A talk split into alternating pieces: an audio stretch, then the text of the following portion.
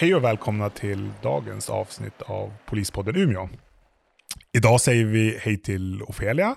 Hej hej! Hej hej. Och eh, ja, men dagens gäst Linnea, hej. Tjenare! Och eh, du jobbar ju på ingripande verksamheten i, i Umeå. Mm. Eh, men jag tänkte du kan få berätta lite kort om dig själv förutom, förutom det. Ja, men absolut. Eh, ja, men som sagt, Linnea jag. Eh, jag är 27 år och jobbar här i Umeå. Jag har gjort det hela min tid som polis. Eh, och eh, jag tycker det är hur bra som helst. Eh, världens bästa arbetsplats. Born and raised in Umeå, Ja, precis. kan man säga. Ja. Eh, idag så ska vi prata om eh, skjutningen som var på Ersboda, eller Ersboda-skjutningen kommer vi benämna den som, som skedde 2019, januari. Jag var tvungen att dubbelkolla innan avsnittet, för jag upplevde det som att det var mycket längre, längre tid sedan än så, men 2019. Mm. Eh, och alla vi tre jobbade ju på det, det arbetspasset, eller då den här händelsen inträffade. Och du Linnea, du var ju aspirant då. Ja, exakt. Eh, det var faktiskt eh, min karriärs första nattpass någonsin. Eh, så jag var redan nervös inför passet, att jag skulle kunna hålla mig vaken eh, den natten. Eh, så bara det var spännande. Eh, och sen eh, hann det inte gå så många minuter på det passet innan larmet kom. Hur var det? Alltså, kan, du, kan du berätta igenom ja, men för dig när du, när du kommer till jobbet? Gå igenom liksom det, det arbetspasset eller den händelsen liksom i början. Hur, Mm, precis. Nej, men vi satt och hade utsättning som vi alltid har inför ett eh, pass, då vi går igenom vad vi ska göra. Eh, och vi hade inte suttit där i många minuter alls innan eh, vi får en order då eh, om att det är en person som är skottskadad eh, på Ersboda. Eh, och eh, direkt går ju pulsen upp när man hör det utropet. Eh, så alla reser sig upp och börjar klä på sig snabbt. Eh, och vi springer ut mot garaget medan RLC då börjar ge oss mer information. Eh, och då kommer det snabbt att det är två personer som är skottskadade. Och jag tror innan vi har satt oss i bilen så är det tre personer som är skottskadade, som vi vet. Eh, och ja, då sätter vi oss i bilen, du och jag Viktor, vi åkte ju tillsammans. Eh, och eh, jag satt på radioplats. Eh, och det var ju väldigt mycket snack på radion. Eh, vi försökte uppdatera lägesbilden, prata med varandra, lägga upp taktiken eh, och samtidigt inhämta ny information från inringarna på platsen. Eh, och jag minns ganska väl framkörningen. Jag minns ja, jag att- minns den också. Ja. In, inte positivt, men jag vet inte. Varför inte positivt? Du, du kan få berätta själv, först din, din känsla. Liksom. Ja, men jag minns att vi var två ut ur garaget och att våran polisbuss var före. Eh, och jag minns att du, Viktor, körde väldigt fort. det gick snabbt. Eh, det var ju ganska sent på kvällen, så det var inte så mycket annan trafik ute, men det var också väldigt halkigt. Eh, och jag minns att, eh, att det gick fort eh, och att det var mycket snack på radion. Och personligen så tänkte jag väldigt mycket på att försöka hålla ner stressnivån så mycket som möjligt. Eh, Lyckades du då med det, eller hur? Ja, kändes men det? eh, lite tycker jag väl ändå att jag lyckades. Eh, för jag tror att jag kunde lyssna på det som sades. Eh, en sak som jag tycker var ganska mäktig under framkörningen var ju att det var så mycket surr på radion. Eh, men sen när vi började närma oss platsen och var bara typ 100 meter därifrån eh, så bad ju första bilen om radiotystnad för att kunna Mm, de eh, hade kommit fram precis. Ja, men Mm. precis. Så att de ska kunna uppdatera alla andra om vad de ser just när de kommer fram. Eh, så från att det var väldigt mycket snack till att det blev helt tyst och alla bara väntade på att den första polisbilen som kom till platsen skulle göra en uppdatering. Eh, det tyckte jag var mäktigt. Eh, Men du säger att du försökte hålla nere din stressnivå. Hur gjorde du då? Mm. Ja, det där har vi ju fått lära oss lite olika metoder eh, under utbildningen. Och det som funkar ganska bra för mig, det är att kontrollera andningen. Alltså tänka på att jag andas och andas djupt. Eh, och jag tror att det gjorde att eh, jag ändå kunde liksom behålla min kontroll över mig själv eh, och då också kunna ta in mer information utifrån. Och bara att du reflekterar över att du ska försöka hålla dig lugn tror jag också gör att man Mm, lättare håller sig lugn faktiskt. Mm. absolut. Jag tror att och det är väl kanske det som var min känsla av, när jag sa att jag upplevde att körningen gick dåligt. Mm. Det var inte kopplat till dig, utan det var jag upplevde att, men som du säger, jag körde nog för fort. Mm. Eh, jag tror jag hade något bredställ där i, i någon cirkulationsplats och jag kände efteråt att ah, nu må, jag måste tagga ner för det Mm. kommer inte, ah, men det är ingen, blir ingen bra arbete på platsen, alltså medan vi kör dit. Men sen kanske jag kom in liksom för, för het i situationen. Ja, precis. Eh, men det är svårt när man får något sånt där. Så att jag tror att min reflektion var väl att jag hörde, alltså man hör nästan på utropet att men det här är någonting Mm. vi får ju ganska ofta ja, men, överfallslarm eller larm om händelser som, som sen kanske inte är någonting. En del gånger är det någonting. Men jag, jag, kände, jag kände det liksom när man hörde utropet, ja men det här är genuint. Det här är inte bara snack, utan det här är...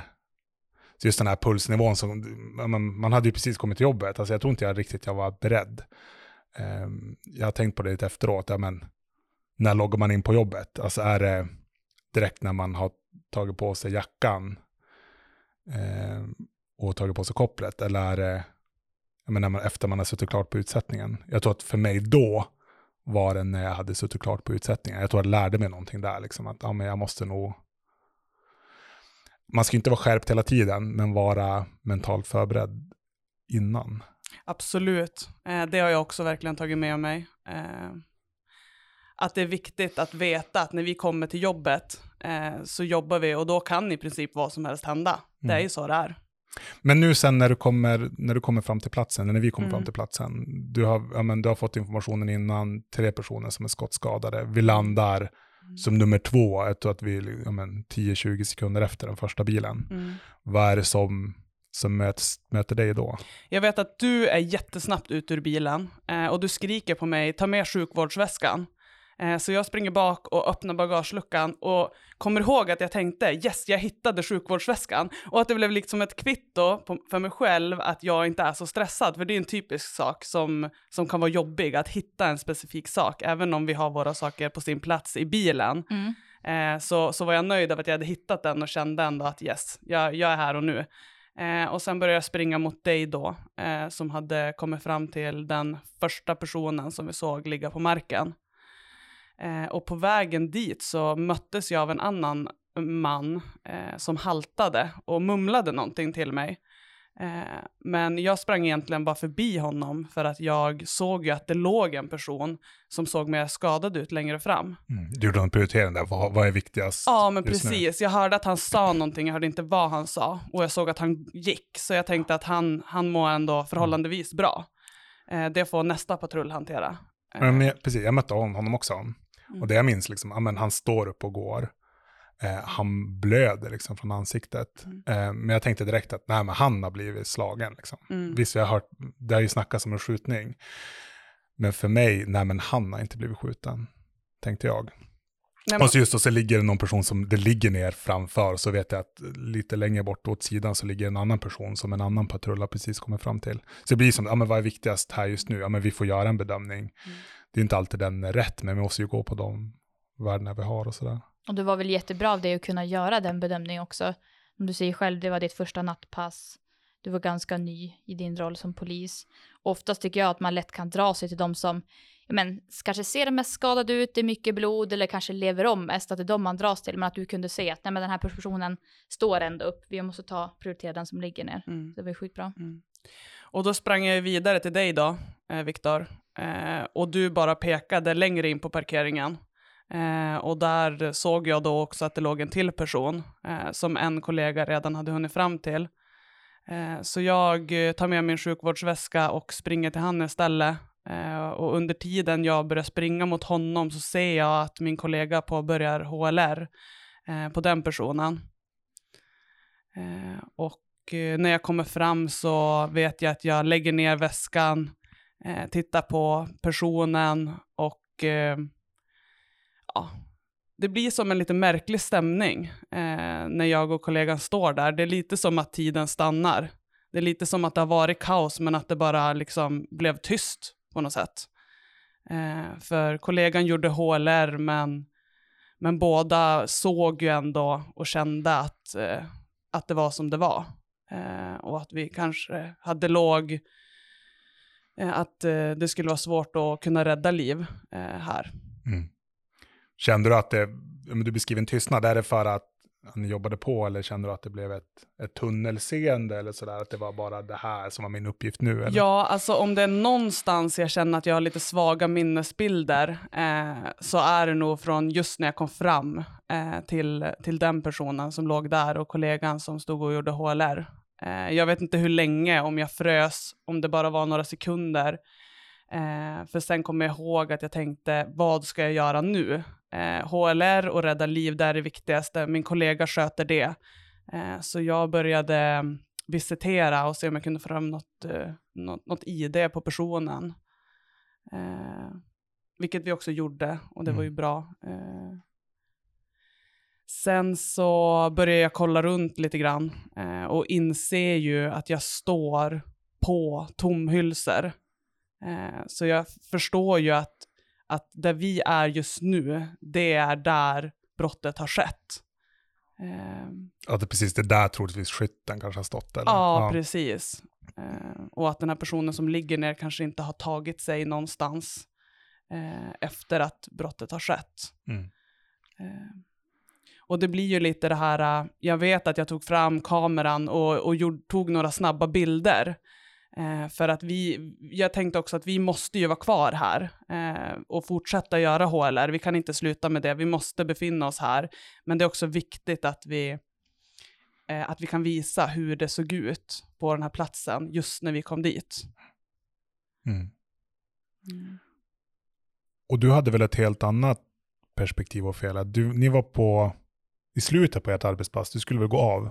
Ja, precis. Jag jobbade ju tillsammans med min aspirantkollega Johan och vi hade jobbat eh, kvällspass. Vi hade väl suttit och avrapporterat och vi var på väg att ja, men, gå hem för passet. Eh, vi hade loggat ut oss från bilen, brukar vi säga. Det betyder att eh, regionledningscentralen kan inte längre se att vi sitter inloggade i en bil, vi är inte tillgängliga för jobb. Eh, Så vi var på väg därifrån, vi hade inte rustat av, vi hade inte tagit av oss vapnen och radion, så det hade vi fortfarande på oss. Eh, Så vi hörde att det kom in ett jobb, Eh, vi satt och pratade lite om passet, så vi lyssnade väl lite med ett halvt öra, som man gör. Och Mest bara för att man är nyfiken, för det fanns ju patruller som kunde ta jobben som kommer in.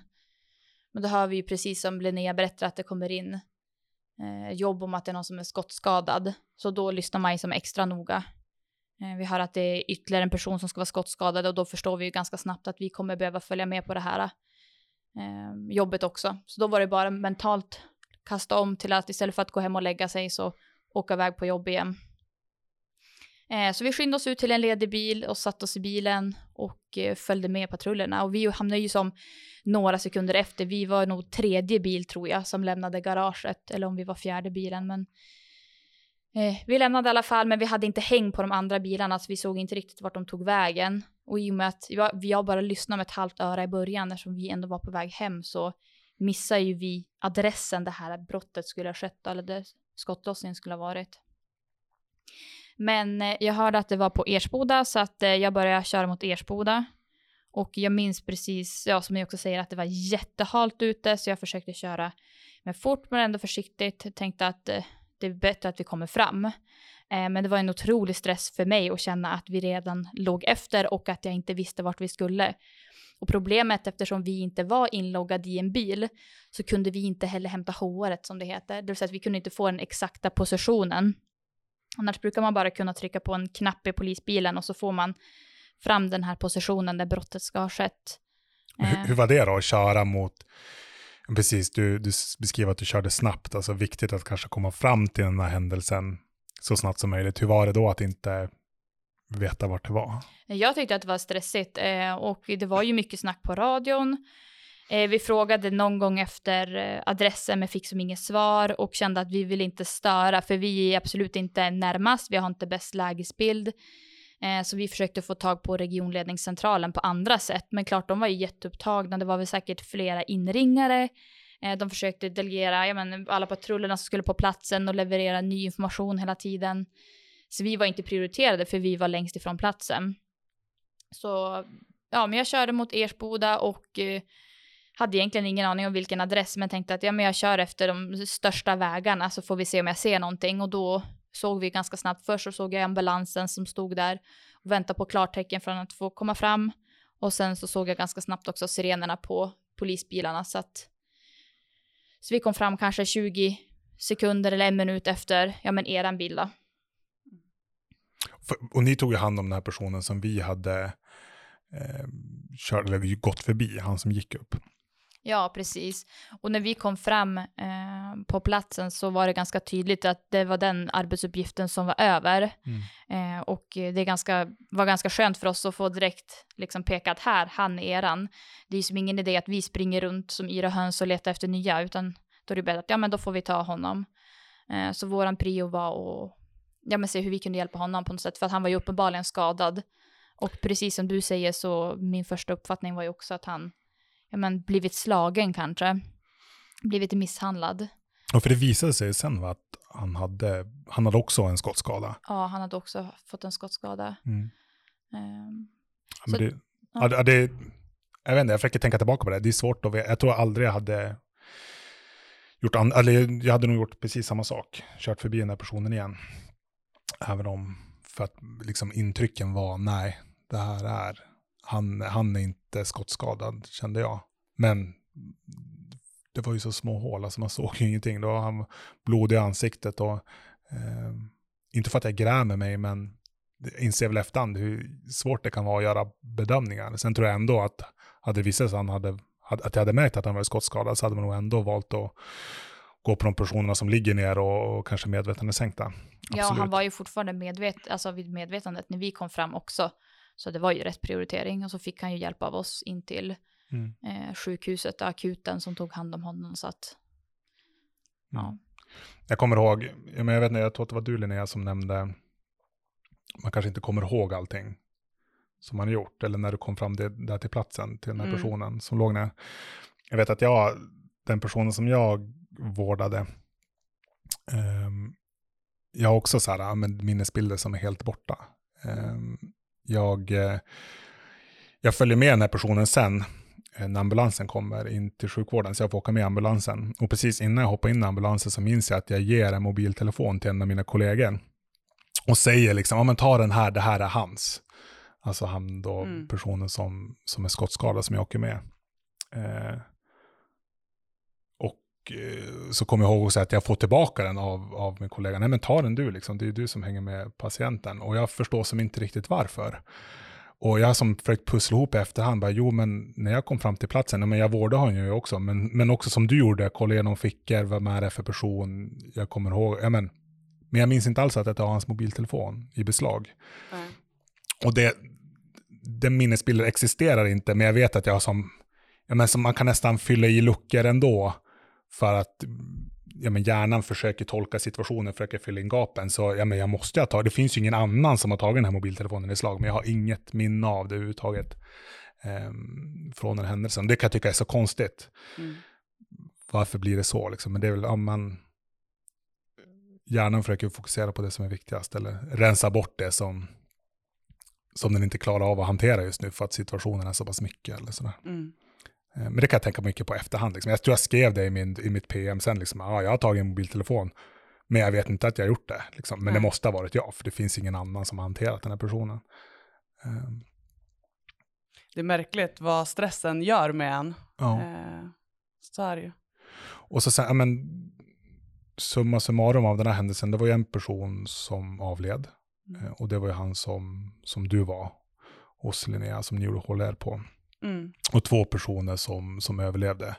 Eh, Och så var det ytterligare en skottskadad också. Som, Ja, men precis, som kom Mm. fram senare, som inte var kvar på platsen. Eh, så var det. Eh, men hur känner du själv, ja, men du var där som aspirant. Eh, hur tänker du tillbaka på den här händelsen, liksom på gott och ont? Eh, alltså, jag tror att jag ganska snabbt där och då eh, insåg att det spelar ingen roll om jag är aspirant eller polis eller inspektör eller vad jag än hade varit där och då. Eh, att jag behövdes och att jag eh, skulle jobba på platsen. Eh, jag hade inga reflektioner kring liksom, min roll i det. Eh, jag vet att jag tänkte ehm, på dig, Viktor, eftersom att du var min instruktör och att jag hade jobbat som aspirant i en månad eh, och att det kanske kändes jobbigt för dig att du skulle behöva känna något ansvar för mig eh, i den situationen. Eh, och jag vet att jag tänkte att Viktor har inget ansvar över mig i det här utan eh, jag ska göra det här så gott som jag kan. Eh, oavsett om, om jag var aspirant där och Mm. då. Ja, men jag vet att du och Fela, du hade väl en reflektion innan vi, vi började spela in. Just att men, när man är på sin aspirant så kanske man, eller du gick runt i tankarna, ja, men man ska bara klara aspiranten. Ja, det var inte så att jag försökte ducka jobb, absolut inte. Men jag tror att man... Jag såg ju som aspiranten som, ja men det är som ett block, jag ska bara överleva, jag ska göra mitt bästa och sen så det som kommer sen, att det löser sig. Eh, så jag tror att min mentala inställning hade inte varit att jag skulle behöva åka på några sådana här typer av jobb. Nu gjorde ju inte jag heller aspiranten i Umeå. Eh, men jag tror att jag hade inte, jag hade nog inte en jättebra mental förberedelse som, aspirant för att hamna på ett sånt här typ av jobb. Så jag är ändå imponerad över det du berättar Linnea, att du ändå kunde ja, men, ta ner din stressnivå och ändå kunde tänka så klart. För jag vet ju själv under min aspirant när jag hamnade på ja, men, en man som hade dragit eh, vapen mot någon annan. Eh, och det var också bara några dagar inne på min aspirant. Hur många tankar som snurrar runt i huvudet. Det är ganska svårt att ta snabba beslut och liksom, plocka ner de här tankarna. Eh, Så att man vill liksom bara uh, beta av det här så man drar på sig massa erfarenheter och sen i framtiden så det löser sig tänker man. Mm. Så det var nog lite mer så jag tänkte. Mm. Men jag tror det underlättar också när det blir en sån här extraordinär händelse. Eh, för jag som aspirant vill man ju säga rätt saker och göra rätt saker vid alla ingripanden. Eh, vilket gör att det läggs på fler processer, att man överanalyserar ganska mycket. Här fanns det som inget utrymme att tänka utöver, utan bara vad är viktigast här och nu? Mm. Och så bara liksom jobba på det. Eh, och liksom... Eh, det är viktigt att göra någonting. Eh, vad som görs... Mm, ska vi se. Men vad som görs är mindre viktigt. Alltså, det är väl viktigt vad som görs, men hellre göra någonting än att stå handfallen. Precis, Ja. precis. Man får ta sin uppgift, sen får man se om den är rätt på slutet när man utvärderar eller så. Ja, men exakt. Jobba på. Mm. Mm. Ja, och, men vi ska väl säga det också, det här är en ganska speciell händelse för Umeå. Vi är ju inte drabbade av ja, men, skjutningar eller sånt här typ av våld oftast. Eh, sen får vi väl se vad framtiden utvisar. Men eh, Vi är ju en relativt stor stad men är väldigt förskonade. Ja. Det är som sagt väldigt viktigt att påpeka. så det är väl därför också vi har valt att prata om just den här händelsen. För att den är, ja, men, i alla fall, den är speciell för mig. Sen, eh, ja, men jag, jag tror också att den är ganska speciell för Umeå också. I alla fall i närtid. Nu när det bara är två år sedan ungefär. Mm. Ja, men efter den här händelsen, eller nu om vi är klara på själva brottsplatsen, nu, ja, eller klara och klara, för våran del så kanske det var klart. Ambulansen kom, det var några av oss som följde med, ja men målsägaren i det här ärendet eh, in till sjukvården. Och så sen så blir det ju en, en avspärrning, en utredning på plats, men det tänkte jag vi lämnar. Eh, vad var det som, ja men i ett efterperspektiv, den här händelsen, Ofelia? Som tänker du bara några timmar efter eller tänker du dagar, veckor efter? Nej men, men, men timmar, dagar. Eh, Ja men timmar, först och främst så, som du säger, några följde med till sjukhuset. Eh, det kom in jättemycket folk på övertid som hjälpte till att hantera. eh, Det kom anhöriga, det var vänner till de skadade. Eh, som ja, men både liksom ger stöd men liksom inhämta information. Eh, så mycket sånt. Eh, som du säger, utredningen ska vi inte gå in jättemycket på. Men det är otroligt mycket jobb som man inte tänker på. Och sen efteråt så är det också för att ja, men, komma in i det normala lite, att eh, skapa trygghet, eh, finnas ute eh, flera dagar, veckor efteråt så hade Mm. vi extra patruller som var ute och pratade med folk man träffade på och kollade läget, eh, ja, men hur de mådde efter den här händelsen, för det var ju en väldigt stor händelse i Umeå. Och kollade, ja men kanske hade de någon information eller hade de några frågor till oss. Eh, så försöka finnas ute för allmänheten var ju ganska stor prioritet för oss. så man kan, ju, man kan ju säga så att även om det var en stor insats direkt då, då det hände, så blir det nästan, min bild var väl att den blev nästan större efteråt. Alltså att de här timmarna, de närmsta dagarna, det blir väldigt mycket åtgärder som görs, både i utredningen men också för att brottsförebygga, liksom att det inte ska fortsätta hända någonting. Mm, man får jobba lite parallellt, så då är det oftast ingripande poliserna som som, ja, plus några andra som har varit ute och skapat lite mer trygghet medan utredare och sådär håller på Mm. att utreda brottet. Så då jobbar man lite parallellt. För oss då, alltså vad händer efteråt för oss? Alltså som har varit där på plats. Ja, jag blev ju kvar väldigt länge, så jag tror att ni, jag blev kvar längre på sjukhuset, så jag tror att ni kan svara bättre Ja. på vad som hände efteråt, för jag hamnade lite sent där. Det blir ju en väldigt stor eh, alltså, apparat när det gäller erbjuds stöd kan man väl säga. Från när man har varit på sådana händelser. Delvis direkt efter, ja, men när man kom in på stationen. Ja, men du beskrev Linnea att man ja, men köpte fika, samlade sig, pratade kanske lite om, om det som har hänt. Ja, det gjorde vi ju. Och ja, min upplevelse av det, det är ju som första händelsen egentligen, eh, som vi har känt att vi har behövt att prata igenom direkt eh, efteråt under samma pass. Eh, och det avdramatiserade lite. Eh, vi köpte med oss mycket fika. Eh, och eh, ja, men, att alla, lite som nu, att man fick gå igenom vad, vad, vad jag som individ gjorde på platsen och redan påbörja bearbetningen eh, under samma dag. Mm. Och sen var det väl de, någon dag eller några dagar senare så fick man ju ett, eller erbjöds ett avlastningssamtal. Som också, ja men det uppmuntras ju, det inte, man måste inte vara med, men det uppmuntras väldigt mycket. Där man också får prata igenom strukturerat om, om det som hände och sådär. Um, Ja, och jag tror faktiskt att alla som var på platsen var med på det samtalet. ja, Ofelia var faktiskt inte med. Jag var inte med. Var du inte med Ofelia? Nej, av olika anledningar. Jag hade Ja. jobbat otroligt mycket. Så att eh, en av gångerna kunde jag faktiskt inte för att jag var i tjänst och jobbade och den andra gången var min enda lediga dag på väldigt många dagar. Så att, eh, Mm. Ja. Man kan säga att det är någonting som erbjuds. Det är ju, det är ju ingenting som, vi försöker trycka väldigt hårt på att man ska vara med, men kan man inte så, så kan man ju inte. Nej, och det hade gärna varit med och jag tycker att det är väldigt viktigt, även om jag själv kanske kände att jag inte var i behov av det. Jag var ju aldrig där när det var som mest rörigast. Jag kom ju dit med flera sekunder, kanske en minut efter. Jag behövde bara hantera men kanske den som var minst skadad och fick lämna ganska snabbt och åka till sjukhuset. Så jag kände att jag kanske inte var behov av det, men jag hade gärna velat vara med för min aspirants skull eller för mina kollegors skull, för eran skull, ni som var först på plats. För att ibland så kan man behöva allas pusselbitar för att man ska kunna bearbeta det här. Och jag satt ju på min pusselbit, men ja. Mm. Ja, men väldigt, brukar ofta vara väldigt uppskattat och Mm. får att landa lite också tror jag. Lite strukturerat, liksom från att man var mitt inne i det till att få tänka lite hemma och sen kanske få prata lite och så. Men sen också lära oss av varandra, alltså, Mm. för vi gjorde otroligt många bra saker. Så att höra vad, ja men vad gjorde Linnea på platsen, vad gjorde Viktor på platsen och kunna, eh, ja men lära oss av varandra är också jätteviktigt. Mm. Men hörru Linnea, tack så mycket för att du ville vara med idag. Tack för att jag fick komma. Vad kul. Ja. Och eh, vi ska väl säga också det till er lyssnare. Det här eh, blir Ofelias sista poddavsnitt på ett tag.